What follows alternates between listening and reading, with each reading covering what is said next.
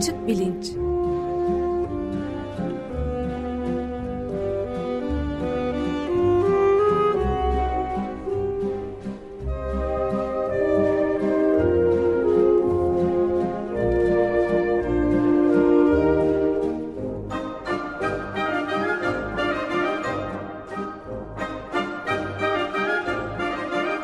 Güven Güzeldere ile bilim ve felsefe sohbetleri. Günaydın Güven Bey, merhabalar. Günaydın Ömer Bey. Günaydın. Günaydın Özdeş. Bugün bir konuğumuz var. Selim Badur, Açık Radyo dinleyicilerinin epey yakından tanıdıklarını bildiğimiz ama konuğumuz oluyor bu sefer programcı olarak değil değil mi? Siz takdim eder misiniz lütfen? Evet, hoş geldiniz Selim Bey öncelikle. Hoş bulduk. Merhabalar, hoş Teşekkürler geldiniz. davetiniz için. Herkese merhaba. Merhaba. Merhabalar Selim Bey. Bey, Şimdi. Profesör Selim Badur, mikrobiyolog ve virolog hepimiz tanıyoruz. Ee, pandemi sırasında da e, sürekli bizi güncellenmiş bilgilerle e, aydınlattı sağ olsun. E, kendisiyle bilimdeki tuhaflıklar diye bir program e, yapalım diye konuşmuştuk. Bugün de bundan konuşacağız. E, bilim bence genel olarak insanlığın e, ortak bir çabasıyla oluşturulmuş ve neyin ne olduğunu e, anlamak e, ya da doğruyu yanlıştan ayırmak konusundaki en etkileyici ortak çabalardan bir tanesi.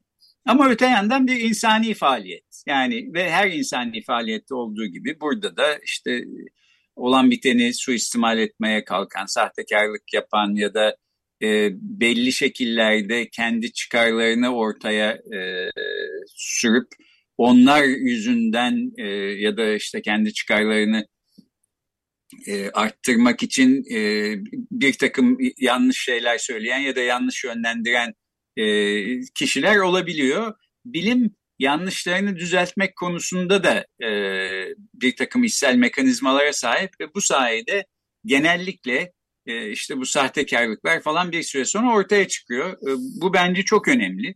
E, bilimde bugün doğru kabul ettiğimiz şeyi yarın e, yanlış olarak da görebiliriz. Çünkü başka bir veri e, onun yerini alabilir. Fakat bunu da yapan yine bilimin kendisi. Bunu unutmamak lazım. Bunu akılda tutarak fakat bir yandan işte bilimde sahtekarlıklar ve tuhaflıklar e, konusundan da zaman zaman bahsetmekte ben fayda görüyorum. E, Selim Badur da böyle düşünüyor. Çünkü bilim böyle insanüstü, işte e, doğaüstü, e, kutsal bir şey değil. Sonuçta bir insan e, faaliyeti. E, bence çok etkileyici bir insani faaliyet ama e, her yönüyle e, ele almakta e, fayda var diyerek sözü Selim Badur'a bırakayım ki bilimdeki tuhaflıklar e, konusuna girelim. Çok teşekkürler e, Sayın Güzeldere benim işimi kolaylaştırdınız çünkü söylediklerinizle başlamak istiyordum ben de. Hani bilimin insanlığın gelişimine e, ve insanlığın yararına katkıları yatsınmaz çok büyük. E, ve bu gün programda sizinle e, bilimde sahtekarlıklar diye bir başlık altında bir iki örneğe değinecektim. Sahtekarlık yerine sizin belirttiğiniz tuhaflıklar belki daha doğru bir tanımlama. Çünkü bütün bu söylenenlerin aslında bilime olan güveni sarsması gibi bir risk var. E, bu riske e, hiç göze almamamız lazım. Bundan uzaklaşmamız lazım. Bu çok önemli. Şimdi e, isterseniz hemen bu tuhaflıklara bir iki örnek vererek ben e, konuyu açayım. İlgili, dinleyicilerin de ilgisini çekebilir. E, bir kere e, bilimsel çalışmaların bir yayın halinde dönüşmesi e, bu araştırıcının hem bir görevi hem de en önemli zorunluluğu belki de. Çünkü bu şekilde yaptığı çalışmaları bilim dünyasına yayıyor ve tartışmaya açıyor. E, tabii birazdan belki de bu bilimdeki tuhaflıkların ya da olmaması gereken yaklaşımların neden olduğuna bakmak, bunların nedenlerini e, irdelemek herhalde daha önemli ve programın belki ikinci bölümünde bunu ele almamız lazım ama e, öncelikle bir iki örnek vermek istiyorum dedim. Birincisi e, bütün raporlara sahte yayın şampiyonu olarak geçen bir kişi var. Yoshitaka Fuji, Tokyo'daki Toho Üniversitesi'nden. Kendisinin çalışması ameliyat sonrası oluşan bu bulantı, kusma gibi olumsuzlukları engelleyecek bir ilaç ya da bir girişimden bahsediyor. Buna ait bir yöntem, bir metot geliştirmiş ve 1991-2011 yıllarında bu konuyla ilgili 250'den fazla makale yayınlıyor. Ama makalelerin 183 tanesi yani dörtte üçü neredeyse geri çekiliyor dergiler tarafından. Kendisi tıp kayıtlarına sahte yayın şampiyonu olarak geçiyor. Ama benim en çok sevdiğim William Summerline'ın yaptığı. William Summerline New York'ta Memorial Sloan Kettering Kanser Merkezi, böyle bir merkez var herhalde. Bilmiyorum siz beni düzeltin eğer yanlış söylediysem. Bu kan, kanser merkezinde çalışan bir dermatolog. Kendisi transplantasyon immünolojisiyle çalışıyor. Yaptığı iş şu.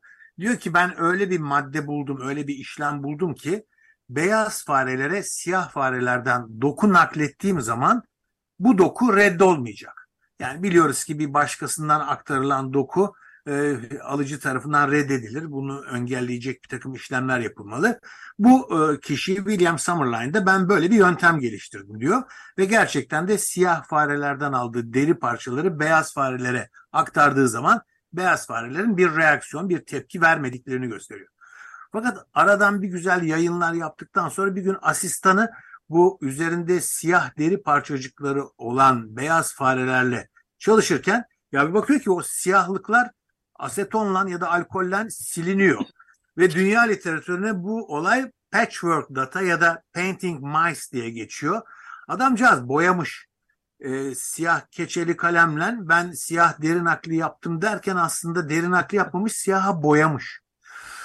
E, bir örnekte Aa, pardon onu geçen adı neydi? Bu William Summerline. E, peki e, halen devam ediyor mu bilim insanlarına? Şimdi bu bahsettiğim insanlardan bir kısmı ağır cezalar aldılar. Bir kısmı e, yargılandılar. İşte akademisyenlikten uzaklaştırdılar.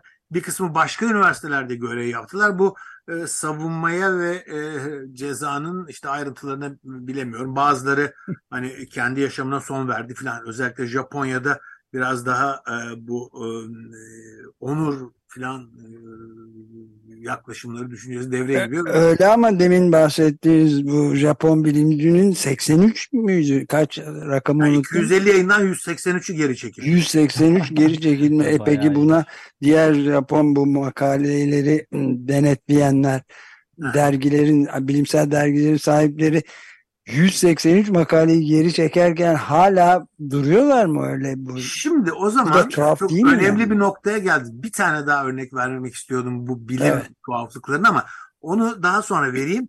Sizin söylediğiniz çok önemli e, Ömer Bey çünkü yayın e, ve hakem.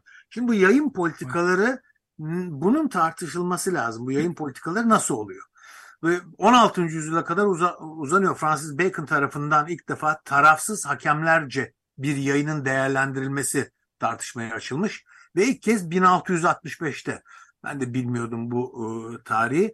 1665'te e, Philosophical Transaction of Royal Society adlı dergi ilk defa kendisine gönderilen makalelerin bir hakem heyeti tarafından okunmasını, değerlendirilmesini e, gündeme getirmiş. Şimdi e, PubMed'e yani tıp e, yayınlarının arama motoruna baktığımız zaman 1940'lardan günümüze dek 25 milyondan fazla yayın var ve e, günümüze dek yaklaşık 2500 kadar yayın geri çekildi. Bunların e, yapılan çalışmalarda dörtte üçü ciddi ya da üretilmiş bir takım sahtekarlıklar. Yüzde e, dörtte biri ise biraz daha masum hatalar.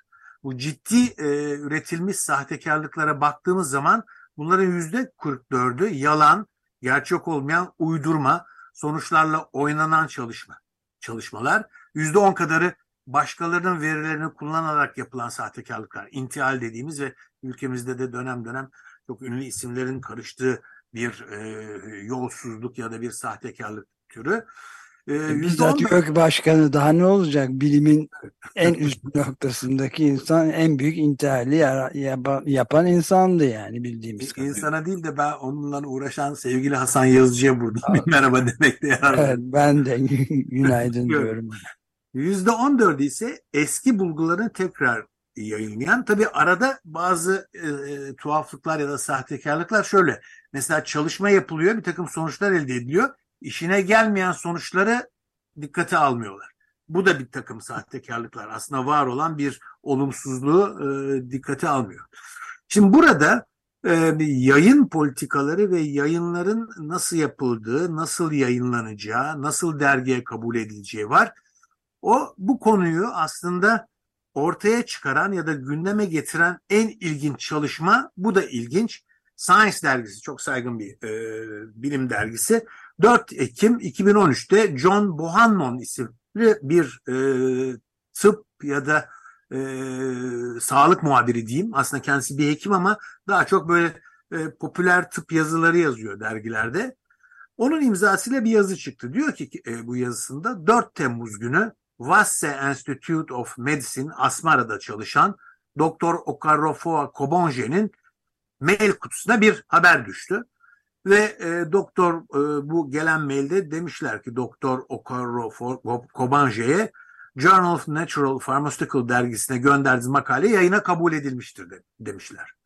Fakat ikinci paragrafta yazıyı yazan John Bohannon diyor ki aslında bu çok tuhaf bir şeydi. Çünkü ne adını verdiğim enstitü vardı ne de bu isimde bir araştırıcı vardı ve ben 150 kadar dergiye yolladım. İnanılır gibi değil 38 tanesi bu, bu gönderdiğim yani bırakın çalışmayı isim de yok, enstitü de yok ortada. Buna rağmen kabul ettiler. Şimdi burada tabii e, e, son yıllarda yaygınlaşan parayla yayın yapan predatory ya da Fransızca predatrice dergiler var. Bu çok önemli. Bunların hakem e, denetimi çok daha kısa, çok daha özensiz oluyor. Parayı bastırdığınız zaman yayını yapabiliyorsunuz. Onun için bir yayını de değerlendirirken ne tür bir dergide yayınlandığı önemli. İkinci sorun da sponsorlu makaleler. Yani sponsor sonuçların analizine ne kadar müdahale edecek?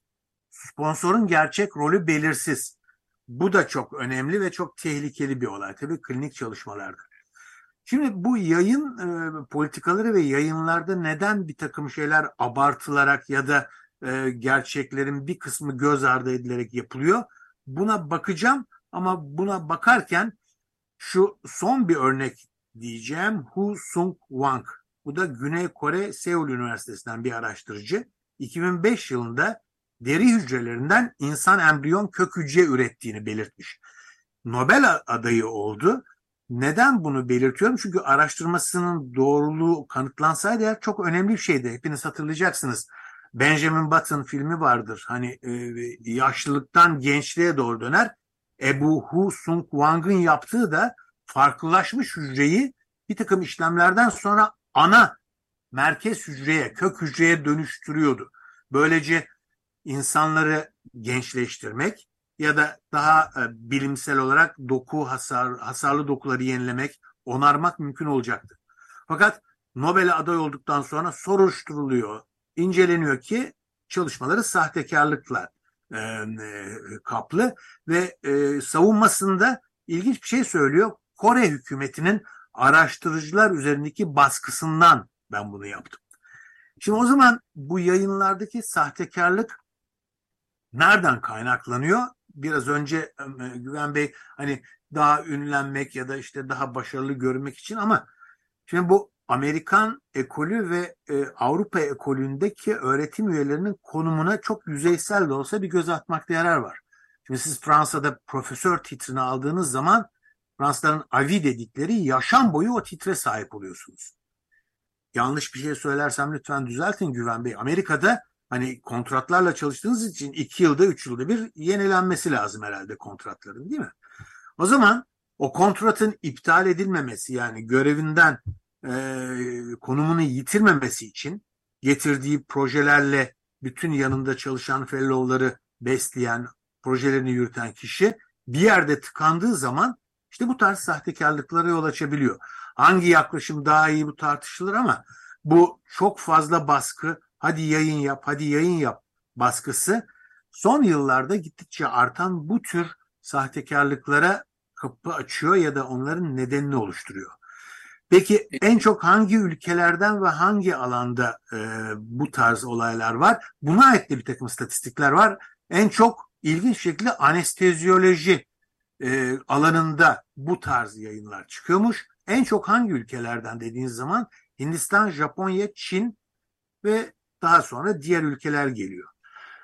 Türkiye'nin durumuna bakınca bu konuyla ilgili bir takım yazılar okurken fark ettim. İsimlerini vermeyeceğim ama Gazi Magos'a Doğu Akdeniz Üniversitesi Eczacılık Fakültesi ve Mersin Üniversitesi Kimya Bölümünde bir takım öğretim üyeleri var. Bunlar bazı garip dergilerin editör konumundalar ve bunlara gönderilen yazılar hemen yayınlanıyor. Şimdi Türkiye'de de sizler de çok iyi bilirsiniz son yıllarda belki 2000'li yıllardan sonra e, bu yayın politikasında yaklaşımında e, yönetimlerin, üniversite yönetimlerinin bir baskısı oluşmaya başladı.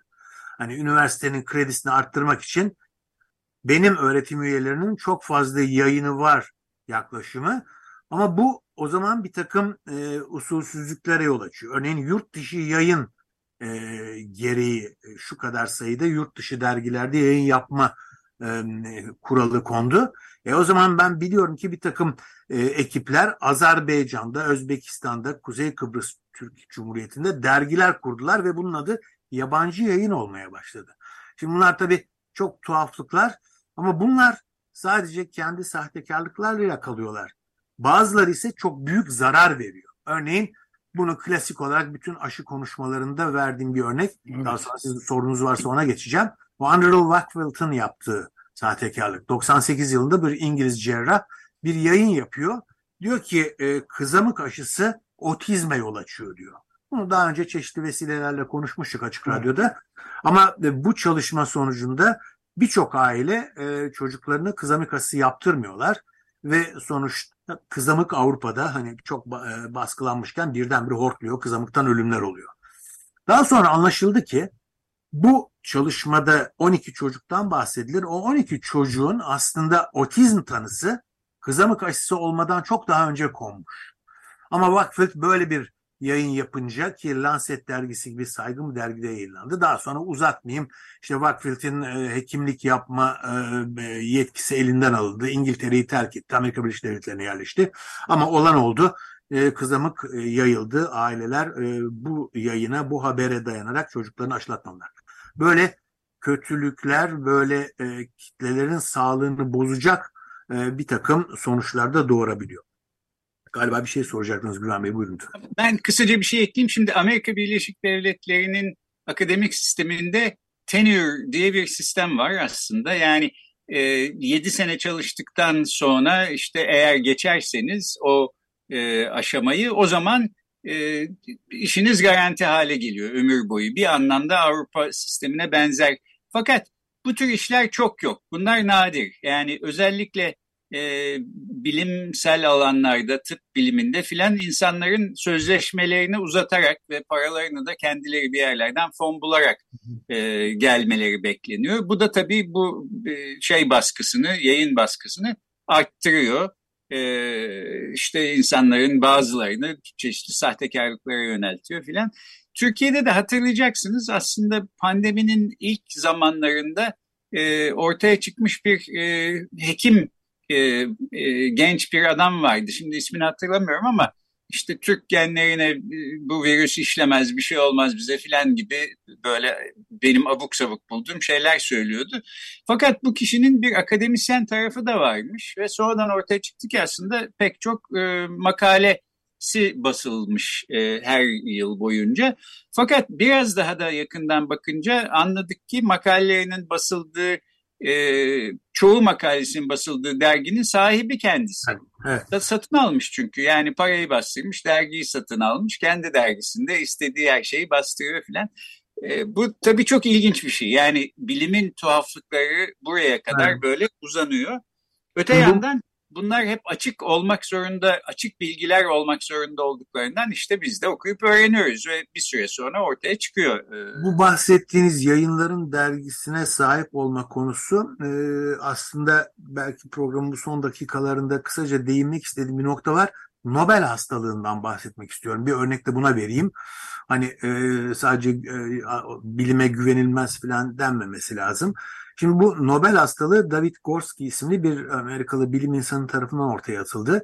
Ve Nobel ödülü aldıktan sonra sizin deyiminizde böyle saçma sapan ipe sapa gelmez bir takım teorileri savunan çünkü ben Nobel'liyim benim dediğim e, önemlidir esastır diyenler. Şimdi bunlardan ben neden bu konuyu açmak istedim kısaca? Çünkü Luc Montagne'ye biliyorsunuz evet. AIDS etkeni HIV'in e, hani bulan ekibin lideri. E, Luc Montagnier bu Covid döneminde de aşı karşıtı söylevlerde bulundu ve Türkiye'de bazı toplantılarda ben e, işte aşıları savunduğumda e, koca Nobel ödüllü Luc Montagnier bile öyle demiyor. E, kuşkulu bakıyor demişlerdi. Şimdi Luc, Luc Montagnier bu Nobel hastalığına tutulanlardan bir tanesi. E, son zamanlarda mikroorganizmaların bazılarının elektromanyetik dalgalar saçtığını, e, suyun e, hafızasıyla bunu bağdaştırıyor. Bir ara sizinle konuşmuştuk Güven Bey bu e, Jacques Benvenist'in teorisi suyun hafızası.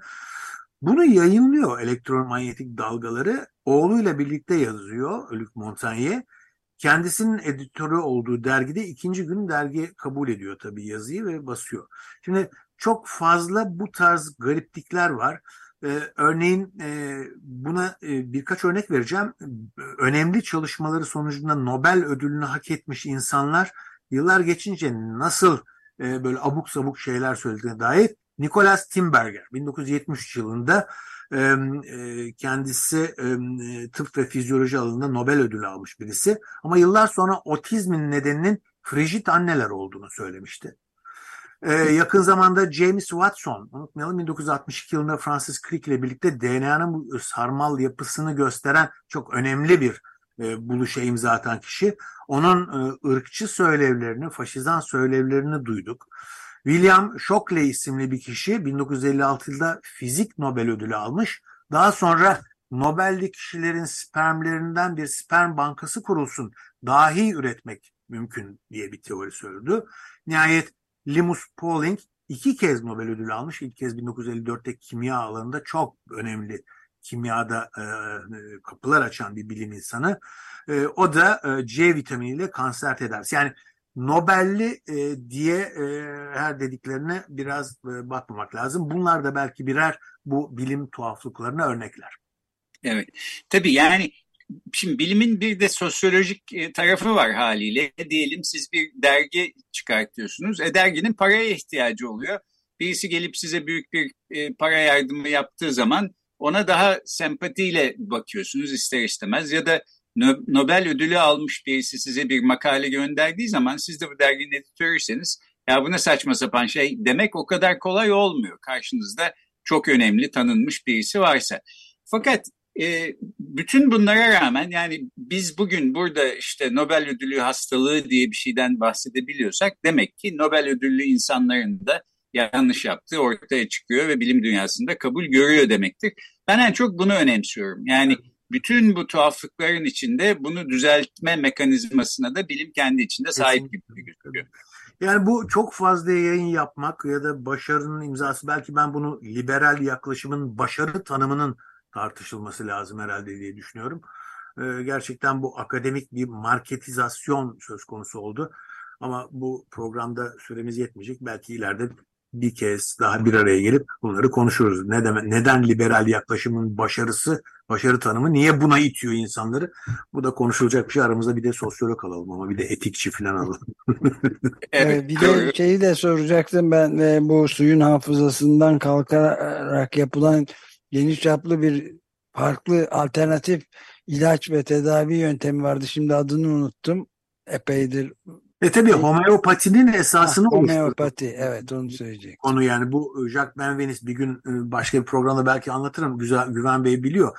Benim Fransa'da çalıştığım dönemde Jacques Benveniste'in laboratuvarının yanındaydım ve orada neler olup bittiğinde bir gün dedikodusal bir yaklaşımla anlatayım size. Tamam.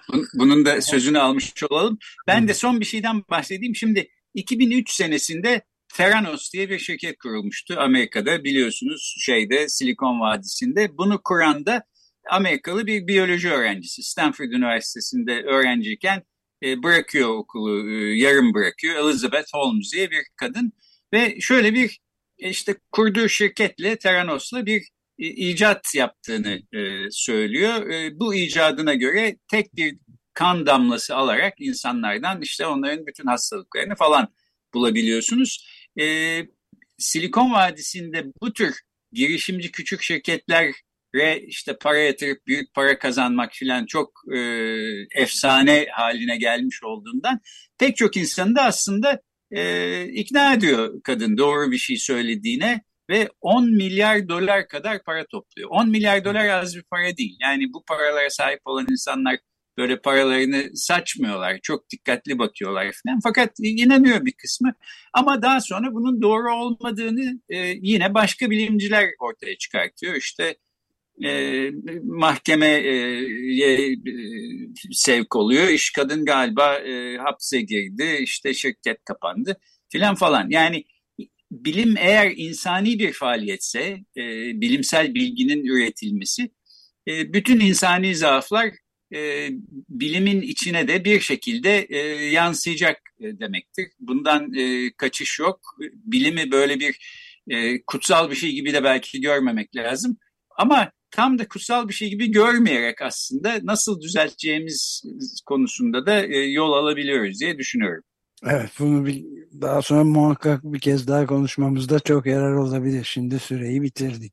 Evet. Çok teşekkürler efendim bu imkanı verdiğiniz için. Çok teşekkür Peki, ederiz. Bey, çok güzel örnekler verdiniz. Bir sürü şey öğrenmiş olduk. Çok teşekkür ederiz. Bugün bilimde tuhaflıklar, sahtekarlıklar ve acayiplikler e, konusunu Profesör Selim Badur'la konuştuk. Çok teşekkür ediyoruz. Ben teşekkür ederim. Sağ olun. Görüşmek üzere. Görüşmek üzere. Görüşmek üzere. Sağ olun. Görüşmek üzere.